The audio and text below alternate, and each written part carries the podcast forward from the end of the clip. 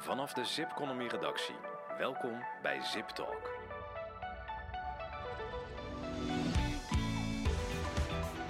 Een hele goede dag en welkom bij Zip Talk, de podcast van Zip Economy. Mijn naam is uh, Narada Bouwland en het is een, uh, een prachtige uh, dinsdagochtend vandaag hier bij ons in de studio. vanaf de redactie van Zip Economy. Um, en zoals altijd word ik bijgestaan door Hugo-Jan Ruts, de hoofdredacteur van Zip Economy. Goedemorgen. Goedemorgen Narada. En we hebben twee gasten, want we hebben... Um, uh, hebben wij er ook een aandeel in gehad in die Talent Monitor, of niet? Of is het iets van, uh, nee, van onze twee gasten vandaag? Die, die, is van onze twee gasten. Ja. Hij, is, hij, is, wel te vinden op Subcorp. Oké, okay, okay, ja. nou kijk eens aan. Dus we hebben twee gasten, want er is een publicatie uh, gedaan. dat heet de Talent Monitor, die is van, van dit jaar. En die is samengesteld door, door twee organisaties, door de Intelligence Group en door het First Group.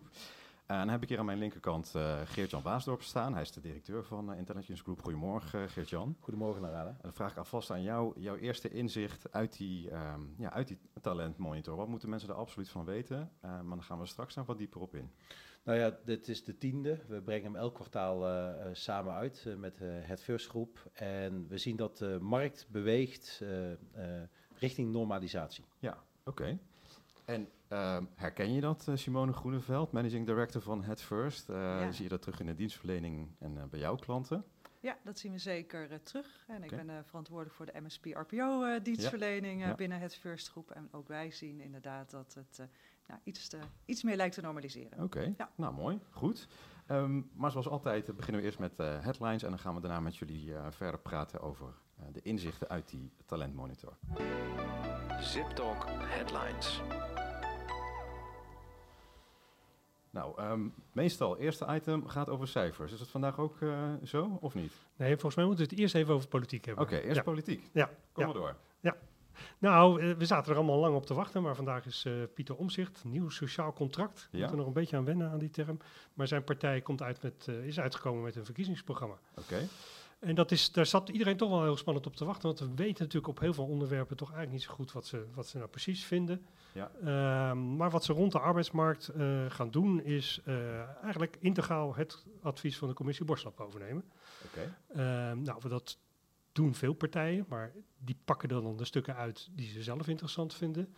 Uh, het woord cherrypicking wordt dan al, gauw al snel genoemd. Nou, dat staat ook in het verkiezingsprogramma van van een nieuw sociaal contract. Maar dan omgedraaid, wij gaan niet cherrypicking, we nemen hem integraal over. Ja. En dit, dit gaat schuren, uh, kunnen we al uh, voorspellen. Want dit gaat schuren met uh, de SER en met de vakbonden. Ja. Want ze willen echt ook vast minder vast maken, hervorming, arbeidsrecht. dus meer interne wendbaarheid organiseren voor de werkgevers. Terugbrengen van de doorbetaling bij ziekte. Maar het gaat ook schuren aan de ZZP-kant. Want we willen een scherpe scheiding werkende en ondernemers. Ja. Um, en ze zijn wat dat betreft ook niet zo heel tevreden met de plannen waar we het vorige week over gehad hebben. Ja. De ABC-wet, dat vinden ze eigenlijk te vaag. Er moet een hardere scheiding komen. Wanneer mag het wel, wat mag het niet? Echt zwart-wit ja. uh, daarin. Maar de commissie Borslap, uh, de rapporten die zij hebben opgeleverd, is echt van enkele jaren geleden. Ja. Volgens mij is een belangrijke kritiek uh, ook nu, is of die nog met de stand van de arbeidsmarkt nog zomaar toepasbaar is. Ja. Hebben ze wel iets van een update gedaan aan deze tijd of is het echt helemaal integraal? Nou, zoals bij veel politieke pro uh, programma's, de onderliggende visie, daar moeten we het nog over, over gaan hebben met ja. ze. Er komt ook binnenkort wel een, uh, een lang interview met uh, Tjebbe van Oosterbrugge. Ja. Bekende voor ons allemaal, maar nu op de lijst. dus die gaat nog wel wat dieper in. Dat interview moet nog plaatsvinden. Dat gaan we binnenkort publiceren. Het, het, klopt, maar het, het, is ook wel een, een, haakje naar zometeen van hoe anders is die arbeidsmarkt dan vier, vijf jaar geleden. Ja. En, en red je het dan met die interne wendbaarheid. En dan hebben we nog een, um, een uh, politiek uh, item, want de nieuwe held op links is Frans Timmermans. Die is verschenen in een, in een andere podcast. Ja, wat kan je daarover ja. zeggen? Ja, hij zat bij VNO-NCW in de podcast. Ik, ik vond het toch wel een interessant interview wat hij, wat hij deed. ging over allerlei onderwerpen, maar zeker over de arbeidsmarkt. En waar hij heel erg op, op, op zint is van... we moeten veel meer naar goed opdrachtgeverschap en vooral goed werkgeverschap. Want je moet, weer, je moet aantrekkelijker zijn als werkgever om eigenlijk een reactie op, op flex. En ik vind, het wel een, ik vind het wel een scherpe analyse van hem dat ook een boel mensen naar flex toe gaan. Niet omdat ze eruit worden gegooid, omdat ze meer verdienen, maar omdat er gewoon veel slechte werkgevers zijn. Ja. En, en hij zegt, de werkgevers moeten zich daar bewust van zijn en, en uh, daarop inzetten. En dan, dan ruil je eigenlijk uh, uh, uh, slechte flex om voor beter vast. Ja. En, dat is, en dat is wel wat meer dan vast moet altijd vast zijn. Ja. Ik vond dat, ik vond hem toch daar wel een goede nuance in, uh, in aanbrengen. Ja. Dus eh, een plus één voor Frans Timmermans. eh, Op dit in- onderwerp eh, zeker. Ja, ja, ja. Nou, kunnen we het dan- nu eindelijk over data weer gaan Ja, hebben? ja, ja. Eh, ABN AMRO eh, heeft iets gezegd over arbeidsmarktdata. Ja, nou, die komen ook elke zoveel tijd met een update over de, de, de, eigenlijk de hele zakelijke dienstverlening. Ja. En ehm, nou, de, de sector-econoom eh, eh, heeft daar een stuk op Subconomy voor, eh, voor geschreven. En wat hij daarin constateert op basis van data is dat de, de wisseling van banen sneller gaat. Ja. Nou, volgens mij is dat, eh, ik zie Geert-Jan al, al knikken, dat, eh, eh, misschien heeft hij het wel uit dezelfde bron. Maar ehm, nou, hij constateert daar eigenlijk ook wel weer hetzelfde van, ja, dat is toch wel een signaal voor werkgevers dat ah, talent het voor het kiezen heeft, dat je je daar moet, moet op richten. En we hebben Han Mesters ook van ABN helemaal eerder wel eens horen zeggen, ja, het grootste financiële risico wat werkgevers momenteel hebben, is het eh, eh, ontbreken van toegang tot talent. Ja. Ik bedoel, niet juridisch, niet eh, uitval van vraag. Nee, het is het, het personeelsaanbod wat jouw belangrijkste asset is en je financiële risico is. Nou, eigenlijk ABN AMRO en Frans Timmermans zijn het met elkaar eens. Nou, dankjewel Hugo Jan voor deze, voor deze headlines. Dan gaan we... Maar we hadden er nog eentje. De er nog één? Ja, we hadden nog de Kamer van Koophandel. Maar die, ehm, die staat Ja, daar. Ja. Die? Oh, jij Ja. bent, oh, zijn er anders? Oh, dat is mijn schuld. Ja, ja ik heb naar het Maakt niet uit. Nee, want dit is ook wel e- eventjes een bruggetje eh naar zo meteen. Want de Kamer van Koophandel had ook cijfers. Ja. Andere cijfers. Het ging niet over breed arbeidsmarkt, maar over het aantal startende ondernemers. Nou, in dit gezelschap kan ik daar ook wel van zeggen. Je kan natuurlijk uit elke data kun je elk verhaal ophangen wat je maar wil over het algemeen. Mhm. Eh, nou, dat hadden zij ook gedaan. En zij komen dan met een trendbreuk van het aantal startende ondernemers. Maar even goed lezen, het zijn minder meer startende de, eh, zelfstandigen. Dus dat zegt wel wat natuurlijk. Eh, maar de, groei van het aantal ZZP's neemt nog steeds toe volgens de Kamer van Koophandel. Ook Ja. in de maand oktober, want ze zijn altijd wel heel snel met hun cijfers. Maar het, het groeit wel minder. En het aantal stoppers groeit weer harder dan een jaar geleden. Dus nou, Net, de maar netto nog groeit, toch? Even voor de netto nog groei. duidelijkheid. Ja, ja. Uh, maar je ziet wel de trend wel inderdaad naar wat uh, naar beneden gaan. En de CBS kwam eerder met cijfers over het eerste half jaar. Daar zie je het aantal ZZP's ook nog wel stijgen. Ja. Maar het ZZP's eigen arbeid, nou, dat is waar onze luisteraars toe behoren dan wel gebruik van maken, die is al aan het dalen. Het zijn Ah, vooral de ZZP's die producten verkopen die aan het stijgen, stijgen zijn. Ja. Nou, dat zijn. Dat zijn toch wel signalen waar we denk ik straks uh, onze gasten eens eventjes over door moeten vragen. Oké. Nou, dan zijn we nu echt toegekomen aan, uh, aan, aan, onze gast uh, weer. Um, nou, zoals ik net al zei, er is dus een talentmonitor uh, gepubliceerd. Um, vraag ik eerst aan jou, Geert-Jan, directeur van Intelligence Group. Um, wat is de historie van dit product? Want het is niet de eerste versie, hè?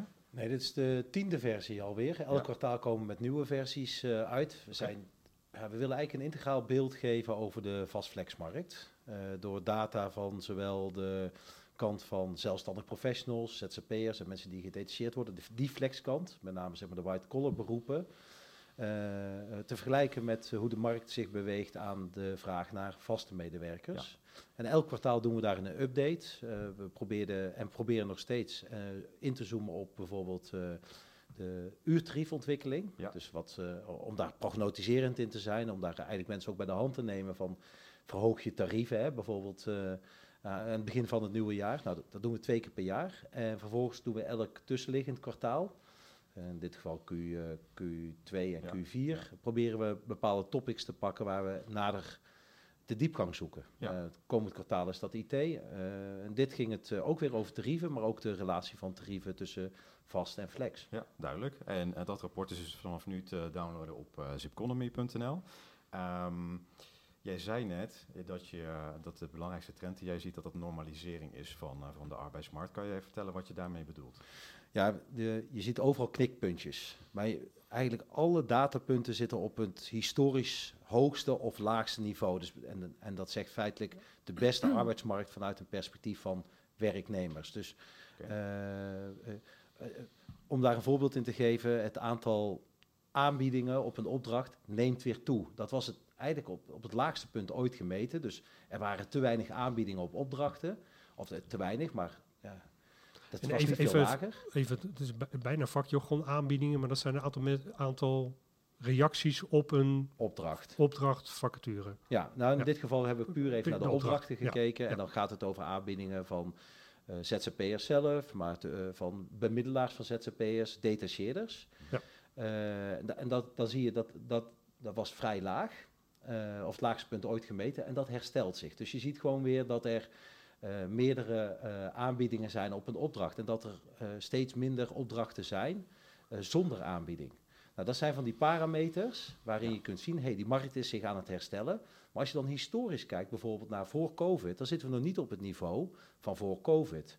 En in de COVID-markt, of de markt voor COVID, hadden we al te maken met een hele krappe arbeidsmarkt. Dus op het moment dat we zeggen, er is sprake van normalisering, bedoelen we eigenlijk van een extreem krappe markt gaan we naar een heel krappe markt. Eh, of zelfs naar een krappe markt. Je kunt moeilijk praten van een normale markt, Ja. maar wel naar verhoudingen die in ieder geval normaler zijn dan ze de afgelopen jaren waren. Ja, oké. Nou, dus dat is het stukje... eh, Goed nieuws eigenlijk ook wel. Ja, voor de opdrachtgever, denk ik. of Voor de opdrachtgever, Wat, wat ja. weer een klein beetje iets, eh, iets te kiezen. Dat is dan, eh, dan dan denk ik wel weer lekker. Ehm, maar dit is natuurlijk, eh, die opdrachten is een specifiek taakpuntje hè, van die hele arbeidsmarkt. Kan je ook over, over andere stukjes iets eh, zeggen in die talentmonitor, of niet? Ja, we, we hebben bijvoorbeeld in de talentmonitor gekeken naar waar het, de verschillen tussen het flextarief het grootste zijn in, in verhouding tot eh, eh, de uurtarieven. En wat je daar bijvoorbeeld ziet is dat een hovenier bijna ja. vier keer zoveel verdient dan, zijn bruto, dan als hij eh, een bruto, Ja. Eh, eh, ja, ja, ik wilde zeggen maandsalaris. Maar het meest Dat we dat lucratieve beroep als ZZP'er, toch? Ja, ja, dat is, Ja, dat is, ja. dat is Ja. buitengewoon interessant Ja. om te zien. Ja. Wat je daarin ook ziet is dat slimme handjes, ik noem het even de blue-collar workers, de mensen die praktisch opgeleid zijn, ja, da- daar zit de, tussen aanhalingstekens, de grootste relatieve marge. Hè. Die marge hoeft niet in absolute zin de grootste te zijn, want het, eh, het uurtarief wat eronder ligt is wat lager, maar er zit, eh, de marges zijn daar het hoogste. Terwijl dat het kleinste is, eh, het laagste, eh, daar waar bijvoorbeeld de overheid via SLA's inkoopt. Dan zie je dat, het- dat het niet factor 4 is waar ik het net over had, maar dat dat zelfs onder factor 2 zit. En dat zit een interessante dynamiek en die, die, die, we meten dat over de jaren heen, hoe, dat, hoe die dynamiek verandert en hoe de tarieven daarin veranderen. En zie- jij verschillen ook per, per sector? We, hebben het er al een beetje over, maar iets... Ehm, jawel. Nou ja, wat we wel zien is dat met name in de hele energietransitiehoek natuurlijk ontzettend veel, eh, veel gebeurt. Daar is eh, de vraag naar talent eh, enorm groot en dat zal de komende jaren ook alleen maar, eh, alleen maar toenemen. Eh, dus daar zien we eigenlijk wel dat daar heel veel kansen en mogelijkheden on- eh, ontstaan. Eh, en aan de andere kant zie je ook wel dat op, eh, nou zeg in de overheid, semi-overheid, daar lijkt het wat rustiger te zijn. Dus eh, het aantal contracten is er nog wel, maar misschien het aantal uren per contract zwakt wat, eh, wat af. Eh, eh, ja, dus dat zijn wel een aantal trends en signalen die we met name vanuit de MSP-kant zien. Ja, Ja. ja. en de zorg is natuurlijk ook een, een, een sector die heel veel in het nieuws is. Zowel met hele grote tekorten als met een, een groeiende flexschil.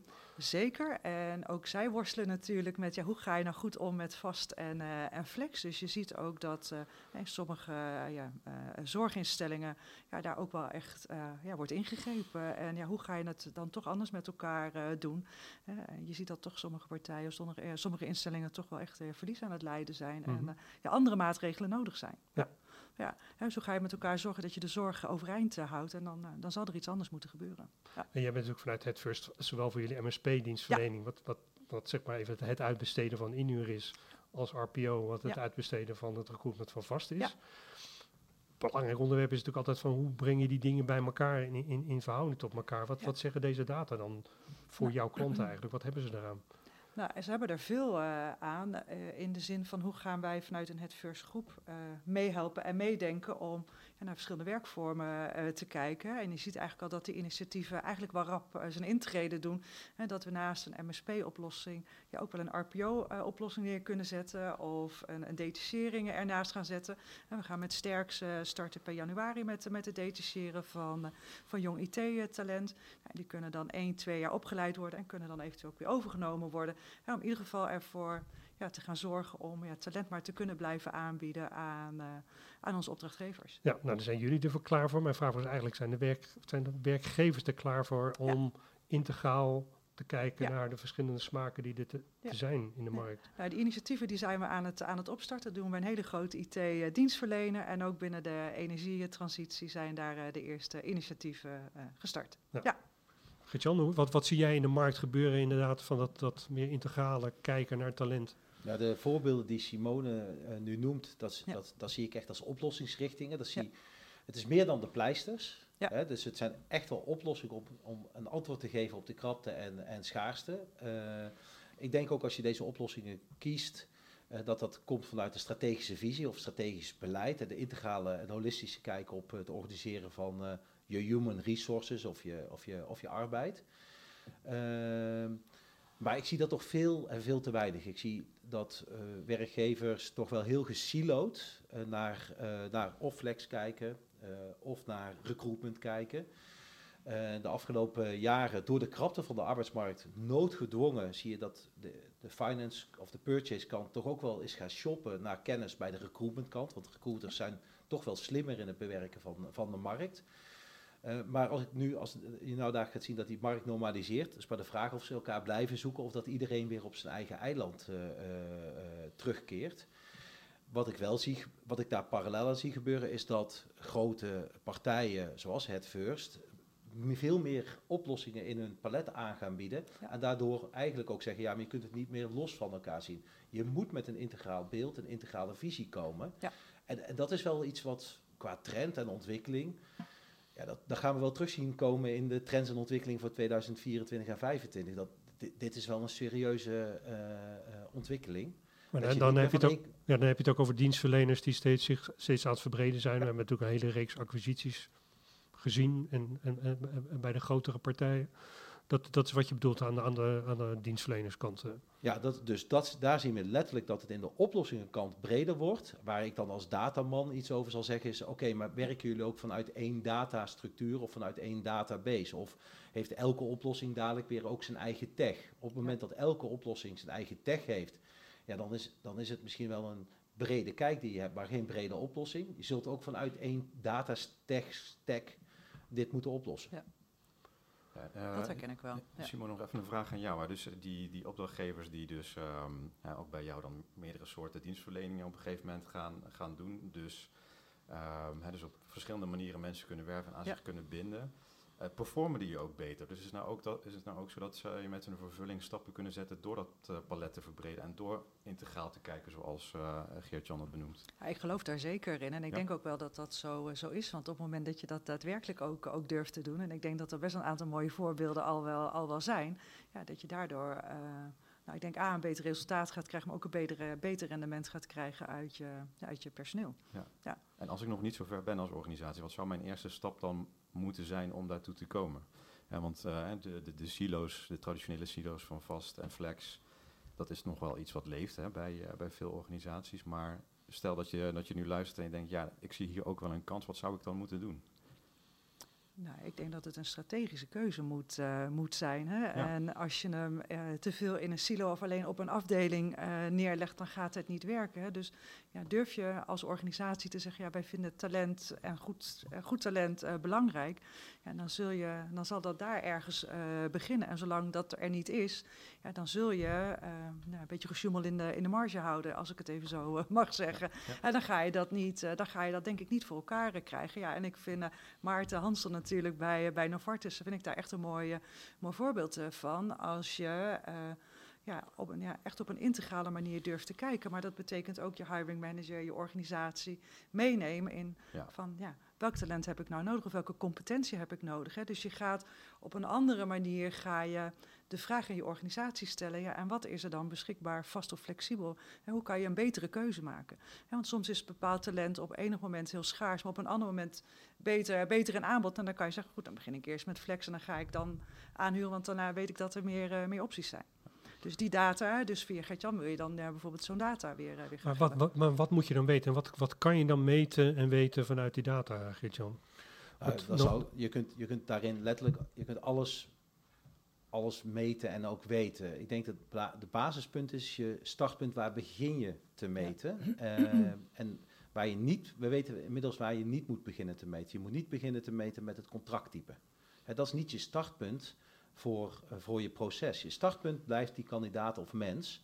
Eh, nou, helaas mogen we van iemand dan niet zijn BSN-nummer registreren, maar er zijn best wel kenmerken eh, en unieke sleutels te bedenken waardoor ik jou kan herkennen in mijn systeem, Hugo Jan. En vervolgens is het contracttype is een van de datapunten. En zelfs Ja. mag je in mijn systeem staan met meerdere contracttypen. Maakt me niet uit, zolang ik maar één Hugo Jan erin heb staan. En daar gaat het eigenlijk mis, omdat we eh, eh, bedrijven hebben meerdere systemen. Ze hebben een systeem voor de salarisadministratie, ze hebben een systeem bij, eh, bij de payrollers, ze hebben iets bij een, bij een ATS zitten, bij, bij een VMS zitten. Dus ze hebben zoveel systemen waar ze elke keer diezelfde persoon aan het managen zijn. Nou, Maarten heeft dat, hè, Maarten bij eh, Hanson Ja, bij ja. Die is begonnen met de kandidaat centraal zetten, of de mens centraal Mens zetten, centraal zetten, ja. zo maar Ja, zeggen. ja. En daarna het systeem erop ingericht. En daarna kun je alles meten. Van duur tot welke contractvormen, de prijs. Maakt me niet meer uit wat je daarna gaat meten. Zolang het startpunt eh, maar hetzelfde is. En de vorm, hoe jij vervolgens in, in je dashboard of in welk systeem je daarover grap- gaat rapporteren. Ja. zolang dat er maar één is, kun je alles doen wat je wil. En in navolging van Simone, want ik ben het helemaal eens met datgene wat je net zei. Je moet dit niet gaan beleggen in één, één van de twee kolommen die dat nu doet. Nee. Je moet eigenlijk gewoon een strategic workforce planning of een total talent, Talent management. management, eh, Even maakt me eigenlijk niet zoveel uit welke naam je eraan geeft. Je moet het ergens leggen bij, bij iemand die neutraal is en Ja. niet met historie vanuit de recruitment kant Nee. komt of vanuit de purchase kant komt, maar eigenlijk gewoon vanuit de business komt of vanuit de data komt en zeggen: ik ga dit oplossen. Ik denk Ja. niet in de grenzen die ons eigenlijk opgelegd zijn door de jaren heen of door Ja. de systemen die ontwikkeld zijn. Historie. Ja. Ik begin nieuw. Ja, ja. Ja. Ja, en dat vind ik altijd wel mooi uit. Ik heb heel lang in Azië gewoond en gewerkt. En daar, zijn, daar is men echt ja, heel erg snel met dit soort dingen. Want die hebben die historie niet. Hè? Dus die zijn in staat om heel snel dit soort dingen te adopteren. En ook in andere vormen eh, te doen. Terwijl wij hier eigenlijk worstelen met ja, onze legacy eigenlijk. Hè? En eh, ja, die legacy is misschien wel eigenlijk je grootste, nou, je grootste showstopper eigenlijk. Hè? Om, die, om die vaart eh, goed, eh, goed te maken. we hebben net ja. 3 miljoen ge- geïnvesteerd in eh, SAP SuccessFactors. Ja, het werkt niet, maar ja, Ja. we zitten de komende zes Dus jaar ja, eraan vast. ja, Dus je ja. zet jezelf eigenlijk voor zes jaar in de wachtrij. Ja. Terwijl er voor een fractie van dat geld een oplossing eh, Ja. binnen handbereik is. Ja. Ja, nou, ik, ik, ik weet niet waar je in, in China. In, in China. Ja. Nou ja, het- het- dan, is het toch, dan is het toch een open deur, want China en data en personen. Zeker. Ik, dat, dat begint bij mij als, als, als liberale Hollander toch Ja. een beetje eh, eh, angst. Ja, ik, ik kan wel een mooi voorbeeld geven. Is ik deed wel, wel eens een grapje thuis. Dan eh, ging ik in toetsen Tibet op mijn laptop en dan ging ik wat verder zoeken. En dan zag je gewoon dat je datasnelheid echt gewoon ziende ogen naar beneden gaat. Dus dan, dan vertraagt die eigenlijk. En op het moment dat je heel pro-China dingen gaat, gaat opzoeken, dan zie je dat je speed eigenlijk om, omhoog gaat. ja, ja. Maar we hebben het ook wel eens meegemaakt met een collega van mijn man. Die, die is echt een maanden geblokt.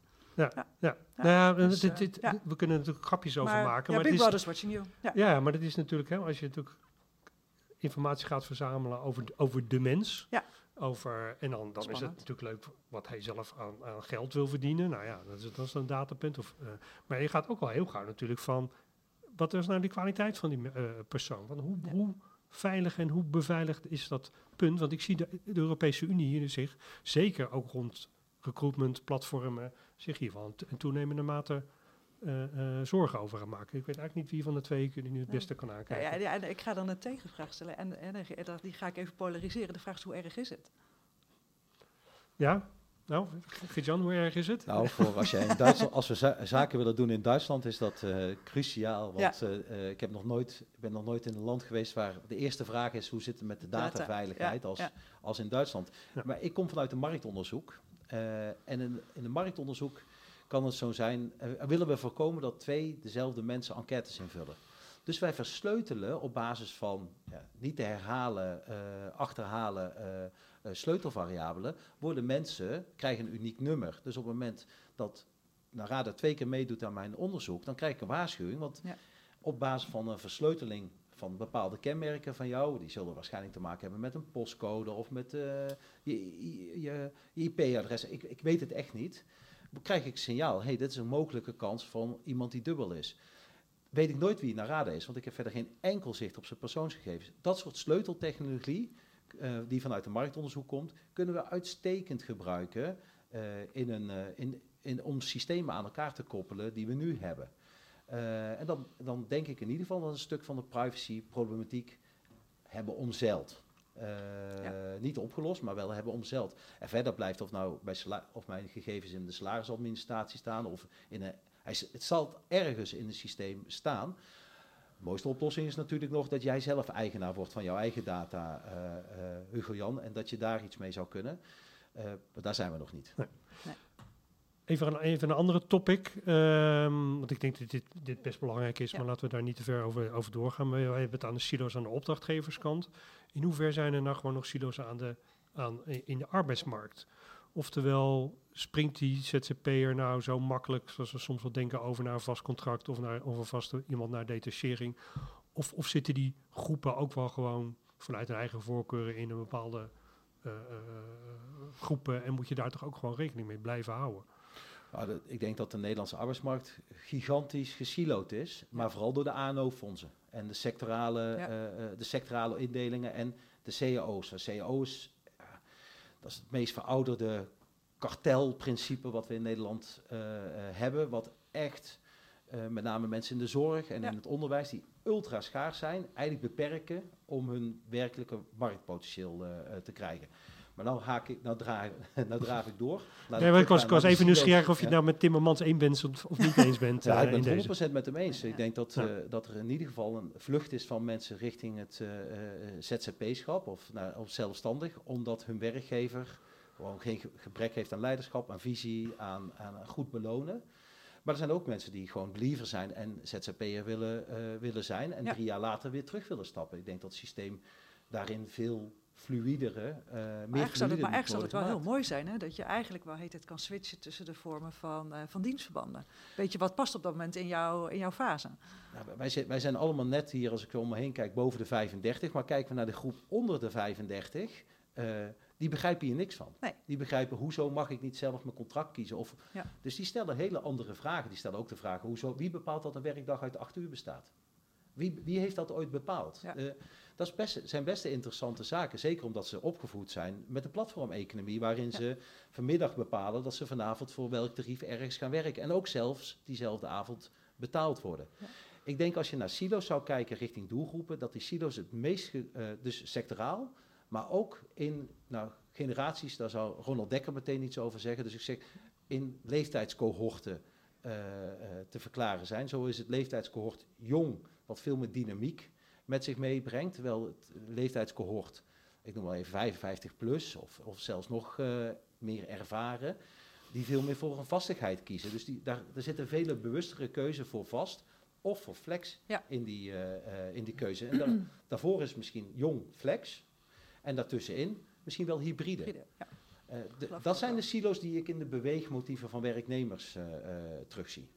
En die worden vaak beperkt door cao's of regelgeving door de politiek, die eigenlijk niet meer op ratio daarin is, uh, op ratio is gestoeld. Ja, want dat lijkt me dus lastig. Dus dan ben je een, een opdrachtgever, uh, misschien herken je dat, Simone, zeker in de zorg. Je hebt, nou, je hebt nu eenmaal ehm, te maken met spelregels die je niet zelf bepaald hebt. Dus um, ik kan me voorstellen dat het ook heel krap voelt om überhaupt innovatief um, te zorgen dat ik mijn afdelingen gevuld krijg. Dus is er, is er in de zorg dan toch wel nog bewegingsruimte volgens jou?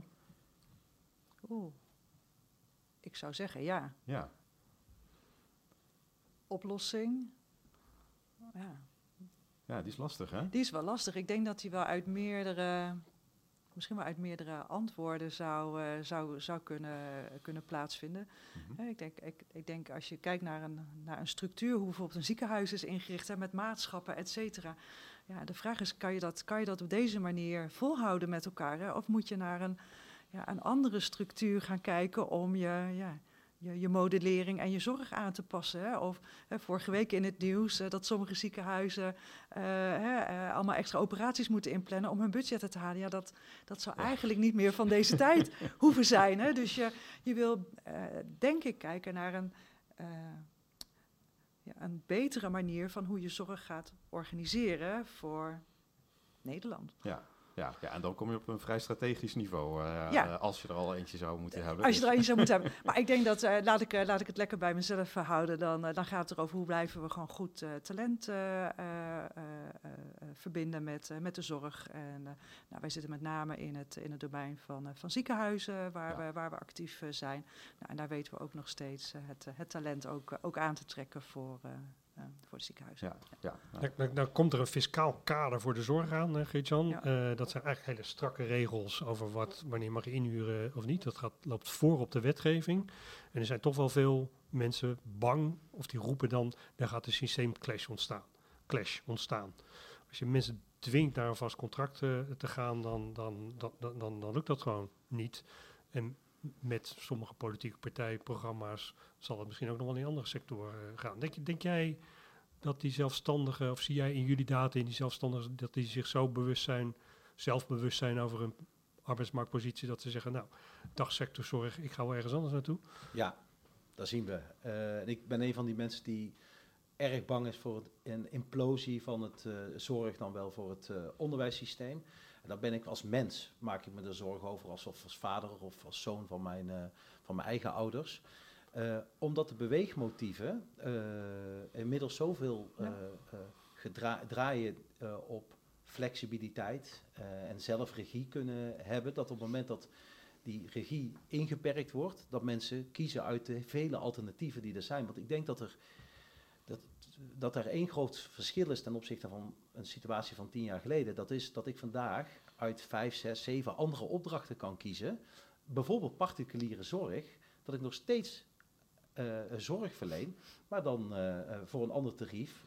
Particulier, dan misschien wat minder sociaal-maatschappelijk en misschien met mijn eigen autootje met 10 kilometer langer moet rijden. Maar ik, ik werk wel in mijn eigen beroep, maar, eh, eh, maar dan voor, particu- voor een particulier eh, alternatief. Of zelfs ik kan kiezen voor de horeca of wat dan ook. Ja, ja. En dat was voorheen niet zo. En de alternatieven zijn gewoon veel groter geworden. Ja, dus het is kunnen switchen tegen sectoren. Maar moet Ja. dit, dat ook, hè, want normalisering van, hè, want daar begonnen we mee, normalisering van die arbeidsmarkt wil nog niet zeggen dat ineens werkgevers het weer voor het kiezen hebben. Nee. Er blijft een hele grote Nou ja. schaarste. Maar Ja. ook de politiek heeft het dan misschien niet Ja. voor het kiezen. Want nou, daar zie ik toch wel de verhalen van, nou, het moet echt minder in de particuliere Ja. of in de eh, publieke sector, zorg, maar ook overheid. Ja. Gaat dat nog wel, kan dat nog wel doordraaien? Spannend. Ja, Spannend, ik, eh, ja, ik ja. zie dat op de korte termijn denk ik nog niet, eh, nog niet eh, snel, snel veranderen. Ik denk dat, dat er wel genoeg initiatieven eh, zullen zijn. Ehm, ja, hoe graag, hoe graag wil ieder? Ja, Ja, ja. Daar, daar misschien op aanvullen natuurlijk, Ja. Jan. En jij hebt het later vaak ook in jouw cijfers zien. Eh, als je bijvoorbeeld kijkt naar wat er aan flex uitgegeven wordt in de zorg. zij- Gaat dat dan op aan de handjes aan het bed? Ja. Of gaat dat aan de stafafdelingen, waar de ene interim manager op de HR-afdeling Ja. de andere aan het vervangen is voor, eh, voor waarschijnlijk drie keer het tarief dat er handjes aan het bed staan. En daar zie je weer grip hebben alsjeblieft op je eigen interne data en daar een zuiver beeld eh, over eh, krijgen. Maakt ook dat we een zuivere discussie kunnen, kunnen voeren over, nou, als we het hebben over de zorg. Want Ja. ik denk dat er meer geld omgaat richting niet zorggerelateerde functies eh, als zelfstandigen dan eh, aan, aan de mensen die zorg verlenen zelf. Ja, ja. nee, maar dat, dat, dat klopt. En ik denk dat, dat eh, nou, het is eigenlijk wel een mooi brugje naar onze volgende podcast. Ook een beetje richting afronding, Ja. denk ik, eh, eh, eh, naar raden. Want we hebben ook het rapport grip op het ZZP-dossier klaar liggen. Ja. Ehm, die we dan weer met het first gemaakt eh, hebben. En die, die zoomt eigenlijk wel in, ook op al dit soort arbeidsmarktdata, maar dan in het perspectief van, oké, aan welke knoppen kan je nou vanuit de politiek eh, eh, draaien? Met, met, met de risico's die er zijn in, tot systeemclashes. En dan even over de zorg. Het, het aardige van de zorg, en zeker in de, het onderwijs, is dat de groei van het ZZP's in hele andere sectoren zitten dan waar de politiek het over heeft. Veel meer in de particuliere sector. Onderwijs zijn het vooral heel veel fitnesscoaches, trainers. Oh ja, ja. En niet voor de klas eh, Ja. eh, staan.